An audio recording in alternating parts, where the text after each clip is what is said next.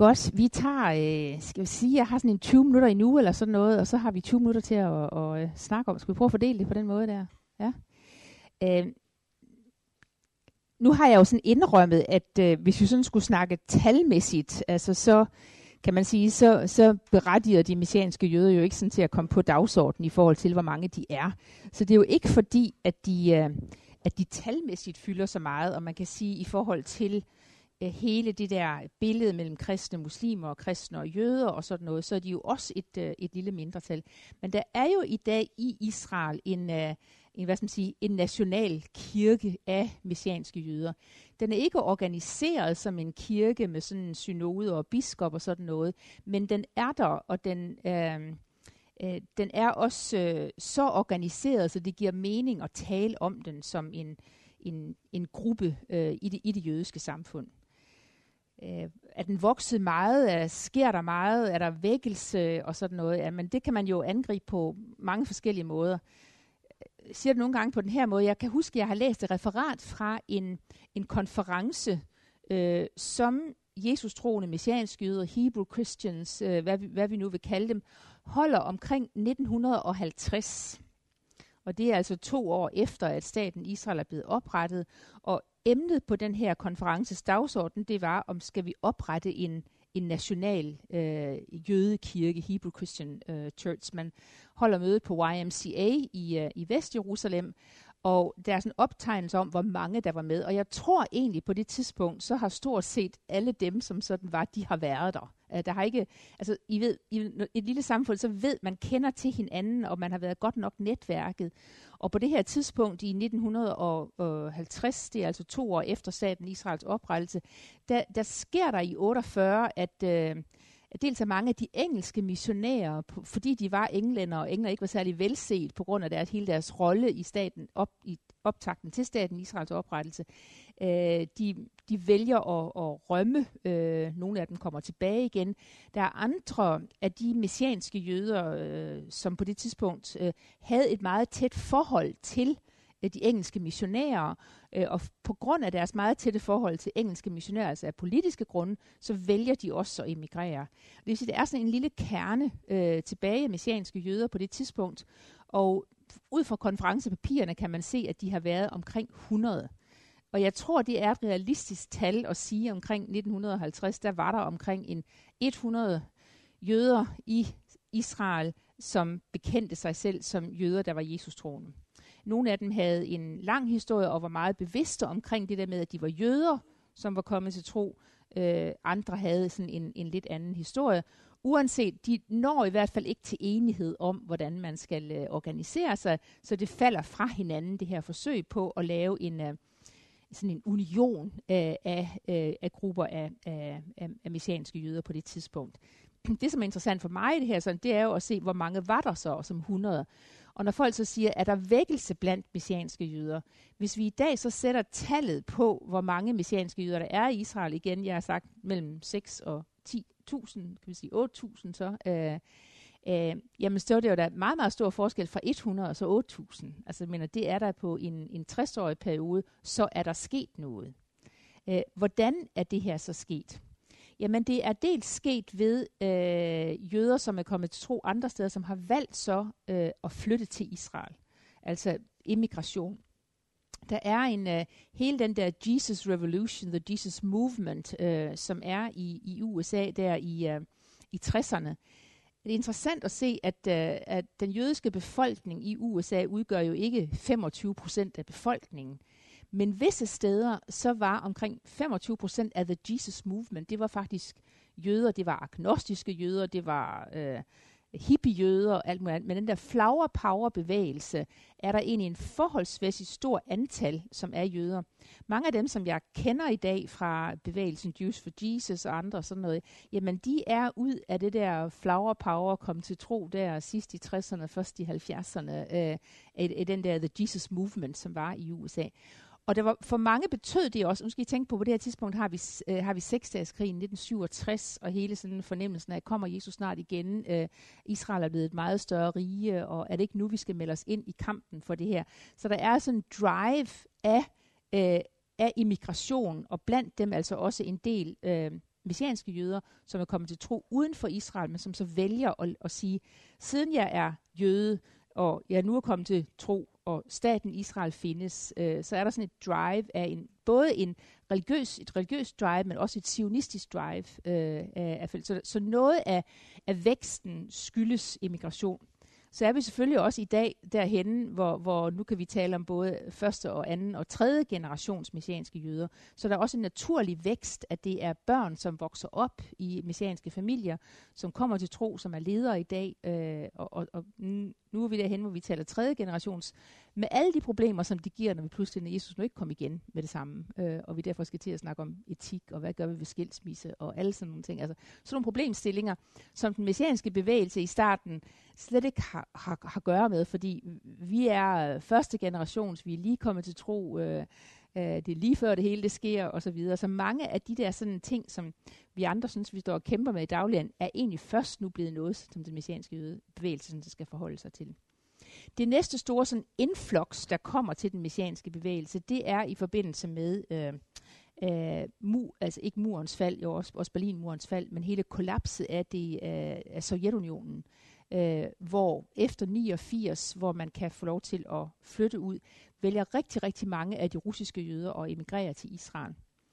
Øh, sammen med Kajke Hansen lavede jeg sådan en survey, øh, som blev lavet i 98-99, så den er altså ved at være 15 år gammel. Øh, der er ikke nogen, der har taget den op siden da, så det er stadigvæk det sådan mest realistiske tal at henvise til. Der var det, der var det sådan, at, at de, og der talte bevægelsen omkring under 5.000 på det tidspunkt. Men der var omkring 40 procent af den messianske bevægelse nogen, som havde rødder tilbage i den russiske. Øh, enten altså, at de var kommet fra Rusland, de var kommet til tro, øh, mens de var kommet, men de, de, de havde russisk tilknytning. Så altså den messianske bevægelse i Israel, når tallet i dag er, er op på de der omkring øh, 8.000, 10.000, meget man vil sige, så, så for en stor del, så skyldes det øh, immigration fra det tidligere Sovjetunionen, som er kommet dertil. Og her møder vi så men- mennesker, som... Øh, øh, ja, en del af dem tilhørte pentakostale eller pinsemenigheder i Rusland inden kommunismens fald, altså kom til Israel som døbte øh, øh, baptister, øh, nogle af dem adventister, øh, nogle af dem øh, pinse, pinsekirker som sådan der. Og mange af dem, når de så kom til Israel, så blev de de steder, som samlede nye emigranter op, som så også ikke, altså som både fik et kulturelt hjemsted, men så også fik et åndeligt hjemsted. Så en stor del af de russiske med baggrund i den, altså med baggrund i Rusland i den messianske bevægelse er enten kommet som troende til Israel, eller mange har mødt evangeliet i Israel og som sådan er kommet til tro. Og når vi så taler om, hvad kendetegner den messianske bevægelse i USA, øh, i England, øh, i Israel, jamen så har det ligesom været det der med at give kristendommen et jødisk udtryk. Øh, Richard Harvey, min gode ven, han plejer at sige det sådan, at man kan enten tale om messianske jøder som en, en kristen version af jødedom, eller en jødisk version af kristendom. Men i hvert fald en, et, et, en, en, et et udtryk for troen, hvor ens tilhørsforhold til det jødiske folk, den jødiske historie, den jødiske tradition, jødiske skikke, jødiske traditioner, som sådan spiller en meget stor rolle. Øh, blandt de her russere, som jo så udgør omkring 40 procent af den messianske bevægelse, de tænker, hvad? Jeg har aldrig været jøde. Altså, Øh, det har aldrig betydet noget for mig, jeg var jøde. Det er tre generationer siden, min, min, min familie havde noget som helst med det her at gøre. Jeg er vokset op under kommunismen. Altså, så, så de har slet ikke noget forhold til det. Så det har også betydet, at hele den messianske bevægelse har skulle forholde sig til 40 procent med den tradition, nogen med en amerikansk tradition, nogen voksede op i Israel og har egentlig ikke tænkt som det er noget særligt. Jeg er jo bare israeler, som er kommet til tro.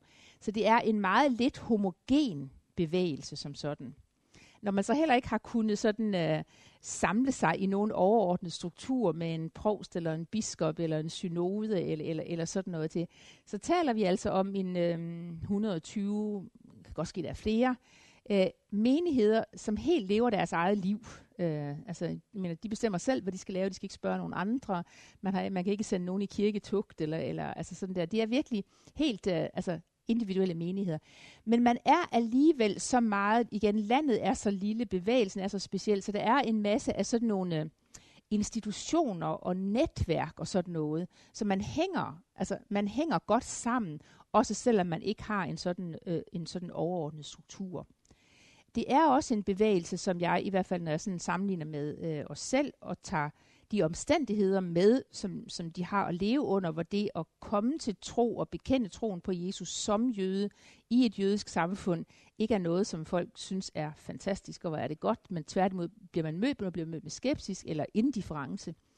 Så synes jeg alligevel, at det er et, øh, altså det er et, øh, et, et sted, hvor, hvor folk er udadvendte, hvor evangelisation, hvor det at gøre sig gældende i samfundet. Når jeg tænker på, hvor meget de egentlig har imod sig, øh, så er de overraskende i forhold til sådan at, at stå på og, og, og være udadvendte og være evangeliserende, øh, ville gøre en forskel i det sam, i samfund, som de er. Øhm, øh, øh, um, Uh, uh, JFJ, det står for uh, uh, Jews for Jesus, som jo er en sådan meget evangeliserende, provokerende, vil nogen sige, uh, bevægelse, som efterhånden har en, øh, er en bevægelse på en, en 25 lokale ansatte øh, rundt omkring forskellige steder i Israel. Øh, Uh, Chosen People Ministry er også sådan amerikansk, uh, lidt mere både social og evangeliserende uh, uh, arbejde, som gøres dernede.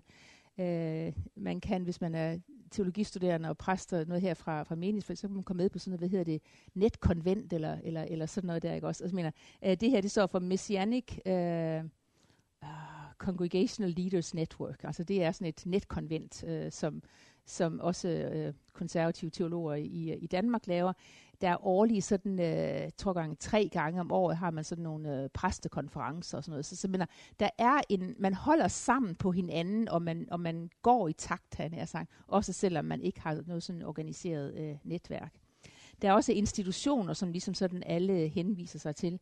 Øh, i Israels Mission, der har vi en medarbejder her, det var der, jeg selv arbejdede, da jeg var dernede i Kaspari-centret. Øhm, øh, Uh, der findes et andet uh, sted, som hedder Israel College of the Bible, som også er sådan en form for bibelskole, tilbyder en bacheloruddannelse.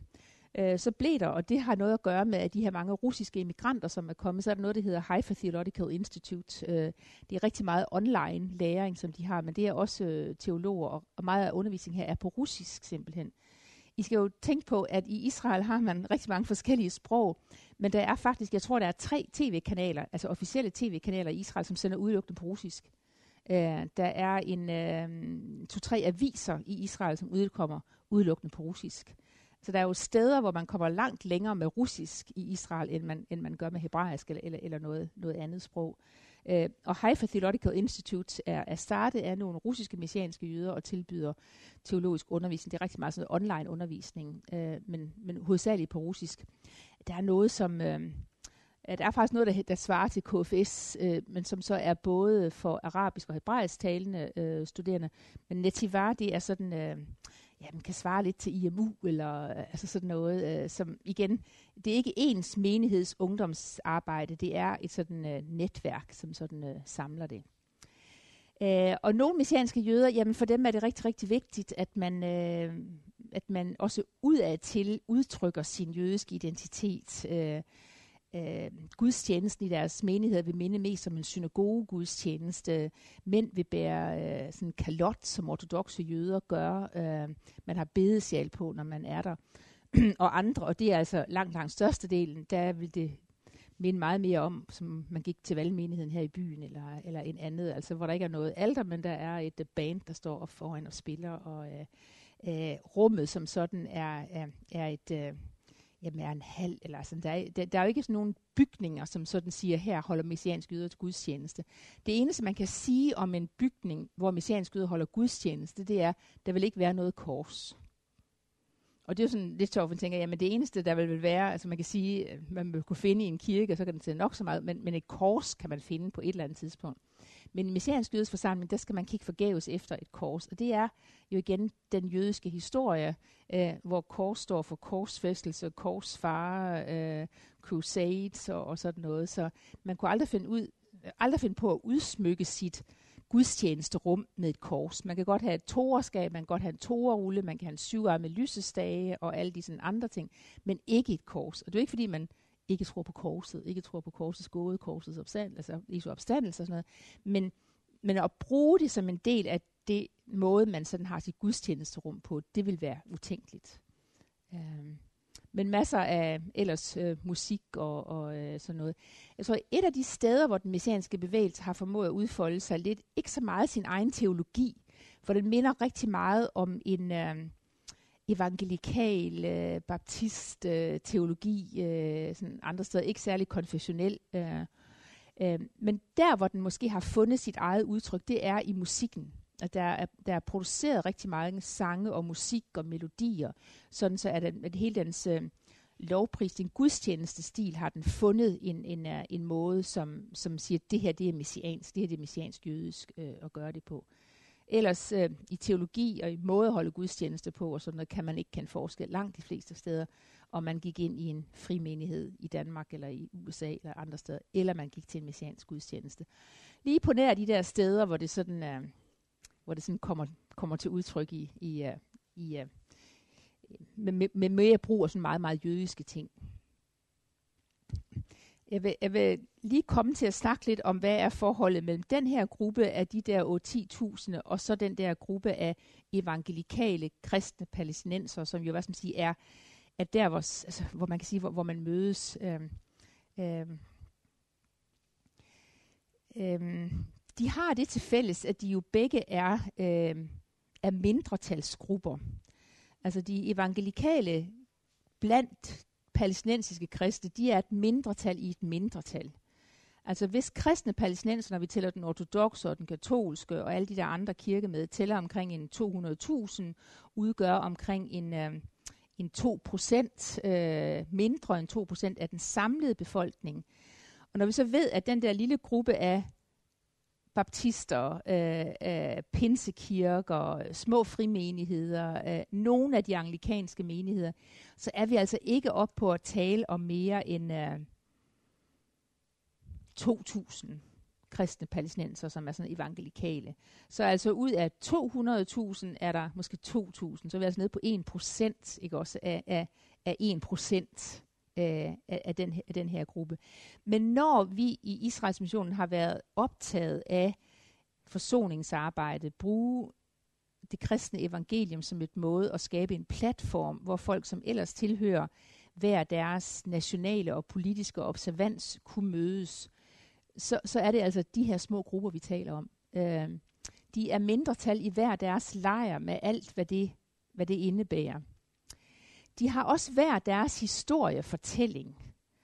Forstået på den her måde, når man spørger en messiansk jøde, som er emigreret fra Israel, hvor hun, han bor henne, jamen så vil hun fortælle, han fortælle om, at jeg bor i det land, som Gud har givet til det jødiske folk, og vi har fået lov til at oprette vores hjemland efter 1948. Og så vil jeg få, hvad skal man sige, en sionistisk historiefortælling om, hvem de er, og, og hvordan de forstår det her sted taler man med en kristen palæstinenser øh, og fortæller, altså, hvem, hvem er du og hvem er det? Jamen, så vil det meget ofte være en fortælling om, at her har min familie boet altid. Øh, øh, vi tilhører den lutherske kirke ud fra, at øh, det var den skole, min bedstefars far gik i, og, og vi har altid været, og den her landsby, det er her, vi holder til. Og altså en meget historiefortælling, som sådan er meget lokalt forankret, og ikke nødvendigvis har sådan en større ideologisk øh, overbygning. Øh, hvis noget, øh, så vil man møde det med en fortælling om, at så kom 1948, og så blev staten Israel oprettet, og så flygtede halvdelen af vores familie til Jordan, eller til Libanon, eller til Gaza, eller et andet sted. Så altså hvis 1948 er en del af deres identitet, en del af deres historie og fortælling, så vil den være det med et meget negativt fortegn. Øh, hvorimod messiansk jøde, og mange af dem er jo kommet dertil, øh, men har ikke været der hele tiden, men er kommet til det, men vil, vil tale om staten Israels oprettelse, som det, der har motiveret dem for at komme, og vil kunne henvise til, at der bliver de og de profetier opfyldt, og altså vil have en, en bibels måde at læse de bibelske tekster på, som skal legitimere deres historie. Hvorimod den palæstinensiske historie er meget bedre er sådan en familiefortælling om, at her har vi boet, og her har vi været, og her har vi dyrket, og de er oliventræerne, og, og sådan nogle ting. Øh, begge grupper vil også øh, tænke om sig selv som nogen, der er, hvad skal man sige, er konservative, er øh, bibeltro, øh, øh, bibellæsning, det øh, hvornår jeg blev omvendt, hvornår jeg kom til tro, og, og et, et fromhedsliv vil minde rigtig meget om hinanden. opmundring til at læse Bibelen, opmundring til personlig andagt, opmundring til at sige, hvornår kom jeg til tro, og, og have et fromhedsliv, som sådan øh, minder rigtig meget om hinanden. Der vil de, Øh, de, vil, de vil begge vil tale om tillid til Bibelen, og om, som Bibelen som vigtig for deres, for deres, øh, deres selvforståelse. De evangelikale kristne vil gøre det, for eksempel i modsætning til grækerne, som for hvem det ikke betyder noget, som ingen engang kan læse og sådan noget der. Så vil de se sig selv som nogen, der er bibeltro kristne. Men de når den jo til et meget forskelligt øh, resultat, når, når vi kommer til det politiske, og, og hvordan, man, hvordan man skal forstå det. I hvert fald langt, langt de fleste. Så på en måde, så har de et åndsfællesskab, øh, taler hvad skal man sige, samme åndelige sprog, øh, vil kunne øh, kende mange af de samme øh, lovsange, som er oversat fra Vineyard Church eller, eller andre steder, som de synger så bare på hver deres sprog. Men de er adskilt af en mur og adskilt af, af, af altså føler sig, at de hører, hører hjemme i hver deres lejr. Og det er jo den, det, som er så, så, øh, så hårdt for nogle af dem. Øh, og det er jo en, en udvikling, som, har, som, som er kommet mere og mere. Øhm, første gang, jeg støder bekendtskab med Israel og Israels mission og, og hele det der, det er øh, helt tilbage i 70'erne. Øh, og på det tidspunkt, der er seksdageskrigen jo kun 10 år gammel, øh, og der er der ikke øh, nogen sådan fysisk meget markant adskillelse mellem Vestbreden og Israel. Øh, øh, der er det stadigvæk det der med, at øh, ja, tidligere var vi besat af Jordan, nu er vi besat af Israel. Vi har stadigvæk ikke fundet vores egen selvstændighed og sådan noget, men vi har fået lidt flere jobmuligheder. Og, altså egentlig sådan en positivt forhold til Israel. Det gav nogle økonomiske ting, og jo, det er da rigtigt, vi får ikke helt, men der var ikke den der, så det der clash det sker, når den første intifada kommer, og det gør også, at de kristne palæstinenser og de messianske jøder, som ellers tidligere har oplevet sig selv, det der åndsfællesskab, de trækkes langsomt mere og mere fra hinanden. Øh, og det har været... Øh, det har været den proces, som har stået på, og nu er den jo så blevet ikke bare af et åndsfællesskab, som ikke længere kan overkomme de der både politiske, sociale og sproglige forskelle. Der er en fysisk mur nu, som simpelthen gør det umuligt for de her grupper ellers øh, at mødes, og så en politik, som på hver sin side bliver mere og mere øh, radikal og, og spænder mere og mere øh, øh ben øh, for det her. Det er ind i den situation, at vi har forsøgt at arbejde med, hvad betyder, hvad betyder forsoning, hvad betyder korset, hvad betyder det, at vi har fået en ny identitet, at der er en anden måde at forstå sig selv på, øh, end som israeler eller palæstinenser. Man kan også forstå sig selv som Jesus-troende. Øh, og det vil begge gøre, men, men hvilken, identi- hvilken identitetsmarkør skal komme først? Er man først en israeler, som så tror på Jesus? Er man først en palæstinenser, som så tror på Jesus? Eller har man et større ånds- og forventningsfællesskab med dem, end man har med, med de andre? Det er den udfordring, som, som er. Desværre så er det øverste billede, det var, øh, det var, det, det faktisk var en kampagne, øh, som blev lanceret efter at øh, Yitzhak Rabin blev myrdet. Øh, han blev jo myrdet af, øh, af ekstreme, øh, hvad hedder det, øh, højreorienterede jøder øh, som sådan. Øh, en kampagne, som der kom i gang på det tidspunkt. Billedet dernede er fra en ørkentur, som er arrangeret af, øh, af Musallaha, øh, den øh, freds- og forsoningsarbejde, som vi i Israels missionen har været engageret i og stadigvæk er engageret i, hvor det at prøve at finde et neutralt sted, et ingenmandsland, og prøve at etablere en relation, og der har ture ind i Negev-ørkenen, været i Romjør-ørkenen, øh, Judæas ørken været steder, man har brugt. Det her det er fra, fra Vadi Rom. Ja, bare lige sådan en oversigt her. Man kan sige, at øh, man, man kan jo dele hele det religiøse billede op på den måde, at der er... Øh, starter med GT jødedom, og så øh, deler det sig op i Jesus troen og farisæer, og jødedommen går ned på den vej her, og senere hen så kommer islam til på den måde her, en udvikling af det Jesus troende og kirkens samfund, så finder vi jo hernede, hvad skal man sige, messianske jøder, som er som, som egentlig altså, lander sammen dernede i den fælles udvikling, men som jo i dag er trukket langt fra hinanden på grund af det politiske øh, billede, man er. Kunne også se på den, øh, på den her måde, det er, så, det er så bare den kristne kirke, ikke? også vi har snakket om de forskellige kirkesamfund her, den ortodoxe kirke, det er de orientalske, dem der kaldt for pilgrimskirkerne her, og på en eller anden måde så kommer gruppen af evangelikale hernede i den her, og der lander også både messianske jøder og kristne palæstinenser øh, dernede lige et sidste billede, så skal jeg nok holde. Det er en bog, som en, en israeler-araber øh, har skrevet, hvor han kalder sig The Narrow Gate Churches. Øh, og det er for mig blevet en måde at forstå nogle af de her kirkesamfund på. Det her billede er fra fødselskirken i, uh, i Bethlehem. De af jer, der har været her, ved, at man skal bukke sig ned og bukke sig ned for at komme ind, fordi man, det, er så, det er så lavt, og det er blevet sådan en teologisk flot pointe, at det at Gud blev menneske, fødselskirken, ikke også, kan man kun nærme sig i ydmyghed og bøje sig til jorden. Uh, men det er jo rent sikkerhedsmæssigt, at uh, de her kirker er blevet bygget, så de bliver fæstningsværker også, og vender sig ind af. Og for mange af de her kristne grupperinger, som vi har, så har de levet med den forståelse op igennem tiden, at, at øh, vi har det bedst, øh, når, når ingen ved om os. Vi har det bedst, når vi er stille, øh, når vi ikke laver stå hej. Øh, så bliver vi ikke udsat for forfølgelse, øh, så får vi lov til at passe os selv og sådan noget. Så jo mere man sådan, altså en ydre omstændighed, som så også er blevet til en, hvad skal man sige, indre forståelse øh, og erfaring, øh, og også kan måske synes, at de er sløve, de vil ikke noget, de lader bare muslimerne komme til, og, eller de, jøderne komme til. Men, men øh, øh, man har altså en historie, hvor det at stikke hovedet frem, ofte betyder, at man bliver et hoved kortere.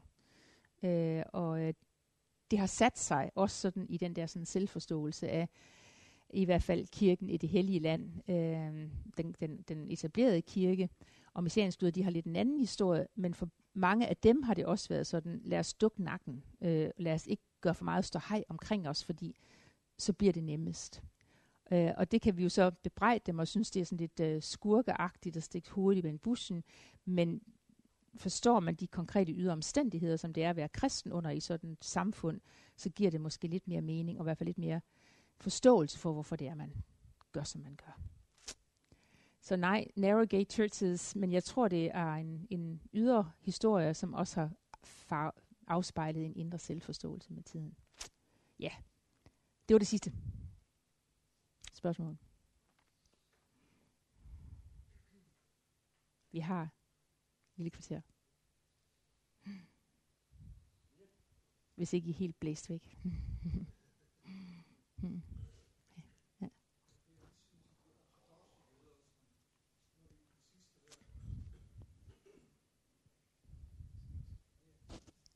Ja.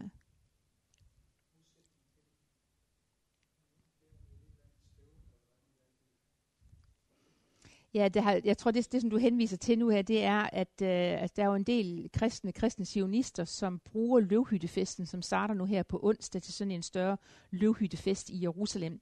I ved, jødisk tradition, så er efterårsfesten, løvhyttefesten, Sukkot, det er en fest, som både ser tilbage på ørkenvandringen og takker for Guds beskærmelse og beskyttelse, men den er også i den jødiske tradition et billede hvad skal man sige, på den himmelske fest, når vi en gang for alle skal bo i samme hytte og, og, og, og telte sammen, og vi alle skal komme op til Jerusalem. Og det er der kristne sionister, som bruger løvhyttefesten til sådan at, at markere, at nu drager vi op til Jerusalem, og nu kommer den der tid, hvor, hvor Jesus kommer igen, og, og øh, hvor Gud opretter sit fredsrige, øh, og derfor fejrer man løvhyttefest. Og det har været en det har været en måde politisk at, at, at, at bakke op omkring staten Israel på, og det har så også været en sådan foregribelse af den der, øh, de sidste tider og den eskatologiske fest, som skal være en gang.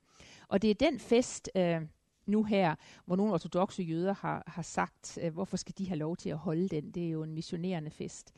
Det er altså en fest, som de har holdt øh, hvert år i la- lige så lang tid, som jeg kan huske, så har der været sådan en stor Sukkot celebration i, øh, i Jerusalem, hvor den kristne ambassade, den kristne internationale ambassade, som jo også har en dansk afdeling, står bag den her fejring. Men det siger bare noget om, at de ortodoxe jøder, ikke mindst i Jerusalem, hvor de efterhånden udgør 50 procent af befolkningen, og det er rigtig, rigtig mange, i modsætning til, at de bare var sådan nogle små enklaver, men, men Jerusalem bliver mere og mere radikal, både på den muslimske side, men altså også på den jødiske side. Og der har man for ortodox jødisk side øh, i år ligesom protesteret over, at de kristne får lov til at holde den her, øh, den her fest. Øh, og efterhånden er de så mange i Jerusalem, så de ligesom kan, kan, kan gøre det her. Øh, andre kristne samfund kan fortælle om, hvordan øh, mere unge jøde chikanerende, og armenerne går i deres præcision fra deres kirke ned til gravkirken for at holde deres gudstjeneste en gang, i dagen, at, at, en gang om dagen, at øh, jødisk ortodoxe drenge kommer og spytter på dem og øh, siger skældsord til dem. Og, og altså, sådan, altså den der øh, religiøs tolerance kan ligge på et meget lille sted øh, imellem de forskellige grupperinger, både mellem muslimer og kristne, mellem kristne og jøder, mellem muslimer og, og jøder. Øh, og det her, som du hentede, det, det er et udtryk for den der radikalisering, der er, eller skærpelse af sådan nogle ting. Jeg ved ikke, om I har lagt mærke til en diskussion, som har været, hvor øh, øh, man har, øh, altså de kristne, som altid har boet i staten Israel, altså som valgte ikke at flygte i 1948. Øh, og det gælder de kristne op, ikke mindst op i Nazareth, hele taget i Galilea, men også i Øst-Jerusalem. De har jo nu fra israelsk side fået tilbudt, at de ikke behøver at have status som arabere, fordi araber ligesom er identisk med at være muslim. Og at de her araber egentlig oplever sig selv som noget andet end den muslimske befolkning der. Så de kan nu blive registreret som armæere. Så man faktisk fra israelsk, øh, den israelske stat har givet kristne, som bor i staten Israel og altid har boet som israelsk statsborgerskab, har givet dem mulighed for at registrere sig sådan rent civilt, som ikke som araber, men som aramæer. Øh, men forestil jer, I er vokset op i Israel. I har boet der siden 1948. I har aldrig oplevet noget som helst andet. Øh, den kristne befolkning i Israel er som sådan en befolkning, der er meget... Øh, øh, jamen, øh, men de går... Øh, det bliver nogle gange sådan, at, at den påklædning, som man ikke er påtvunget at have, den skal man forvære den ikke at have. Så i nogle kristne kvinder dernede vil, vil sådan, fordi vi skal ikke gå med tørklæde, vi skal ikke gå med langt og sådan noget, så, så bliver i hvert fald at deres muslimske naboer set som nogen, der går meget, meget ikke tækkeligt påklædt. Ting, så de har uden ærmer, og de har lovkorte skørter og nedringede bluser, altså sådan den der... Øh, en, en måde at sige på, at jeg er ikke muslim, jeg, skal selv, jeg kan selv bestemme, hvordan jeg, hvordan jeg vil, vil gå klædt.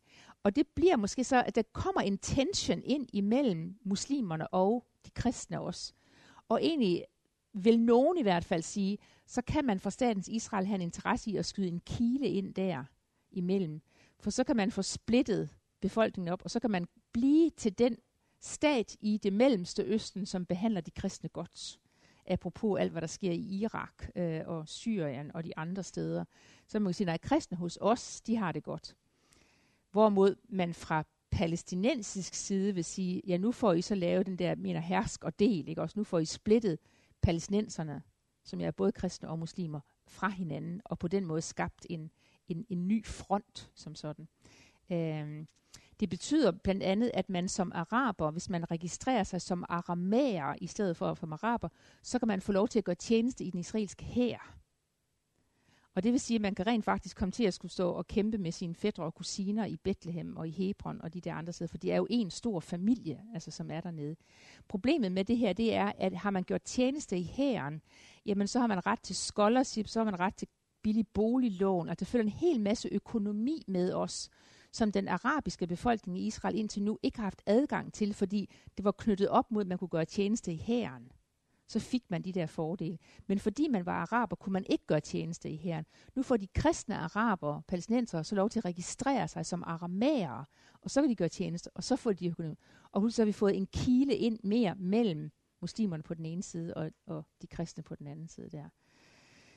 Øh, men det er en, øh, det er en græsk-ortodox præst op i Galilea, Nadif hedder han, som ikke mindst har kæmpet for det her og, og øh, øh, fået Israel til at oprette en, en ny civil registrering i Israel. Det skete her for en måneds tid siden eller sådan noget, man, man, man vedtog det. Det bliver spændende, hvor mange der vil benytte sig af det, for man bliver i den grad hældt ud blandt ens egne, hvis man gør det. Man bliver sådan beskyldt for at være kollaboratør, man bliver sionist, man er gået over til fjenden og, og sådan noget der.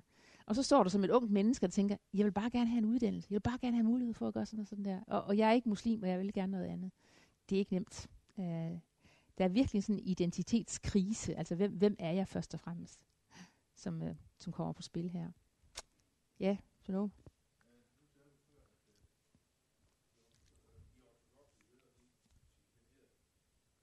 Hmm.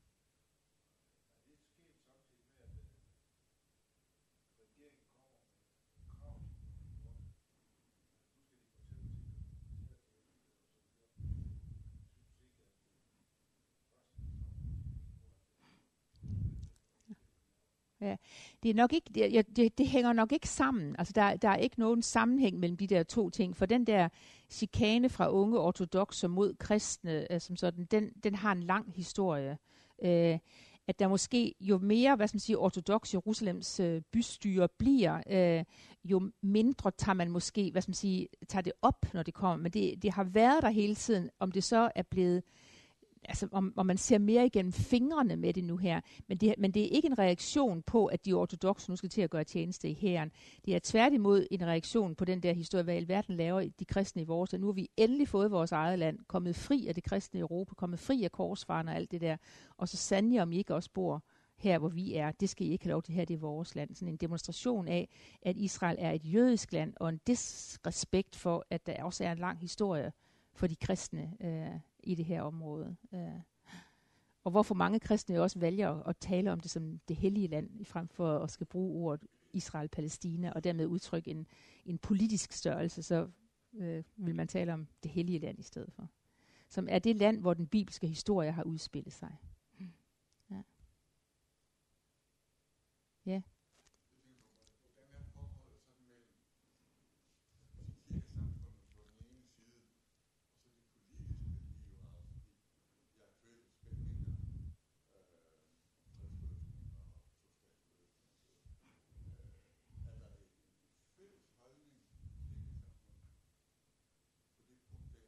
Ja, ja altså, øh, kan, jeg ved ikke, om nogen kan huske, der kom for nogle år siden noget, der hed øh, øh et Kairos-dokument, øh, som var øh, Mellemøstens kirker, som sådan, der gik sammen og skrev det her. Og det var skrevet meget ud fra, hvad skal man sige, altså fra, hvordan det var at være øh, være kristen i, i, i det område, øh, med, med hvad det kostede. Men det havde også en politisk, hvad skal man sige, altså sting som sådan mod staten, is, mod staten Israel. Så jeg tror, det er rigtigt at sige, at det etablerede kirkesamfund, og det er også derfor ham, den her græske øh, præst nu her, Nadif, der vil, der vil kalde de her aramæer, han får i den grad på pugten af sin egen patriark i Jerusalem og andre, fordi det kristne som samfund der, der, er, der, der, der står man sammen, og der er man, hvad skal man sige, har man samme politisk farve som øh, det palæstinensiske selvstyre. Øh, man vil øh, gå imod Hamas, men man vil som sådan tale om, vi skal have lov til at have vores eget land. Øh, vi har øh, øh et rav på et, et, et selvstændighed også. Der vil man stemme sammen med muslimerne i forhold til at være imod, være imod Israel. Og det er jo også derfor, at messianske jøder og kristne palæstinenser, den her, her lille gruppe, har så svært ved at mødes, fordi det politiske i den grad altså, er så altså dominerende i det her, at hvis man hvis man som messiansk jøde, og det er jo sådan set egentlig nok slemt nok at være en Jesus-troende jøde, øh, det burde du egentlig ikke være, fordi med hele den kristne kirke, så hvis du så oven i det ligger, at du faktisk mener, at palæstinenserne også skulle have deres eget land, så er du altså blevet dobbelt fjende som sådan, ikke? Øh, og er du et mindretal, så har du vel nok en tendens til at sige, jeg er godt nok et mindretal på grund af det, men ellers kan du godt regne med mig. Og det har i hvert fald været, øh, altså, det har været tendensen blandt messianske jøder. De, de, er, ikke, de er ikke mindre sionister, øh, som sådan end de er. Øh, på den palæstinensiske side er det knap så entydigt, øh, øh, hvordan man politisk stemmer, men stadigvæk en, en uh, uh, mod staten Israel og et uh, kamp for selvstyre, kamp for en tostatsløsning blandt kristne også. Ja.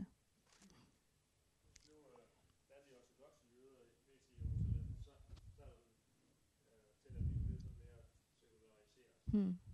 Hmm.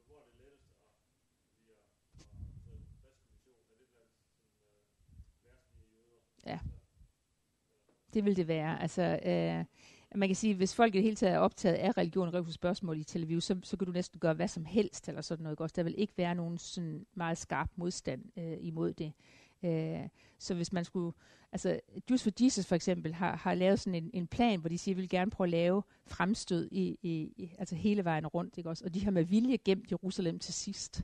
Altså som sådan, man har taget de lette øh, områder i, i, i første omgang. Øh, og øh, øh, i forhold til at gøre sådan nogle fremstød, så vil det være svært. Men egentlig, når det gælder antallet af messianske menigheder, så er der rigtig mange messianske menigheder i Jerusalem men man har en lidt anden profil i forhold til, hvordan man sådan går ud og, og, og gebærder sig. Ja. Fordi modstanden vil være større i et Jerusalem, som bliver mere og mere ortodox. Ja.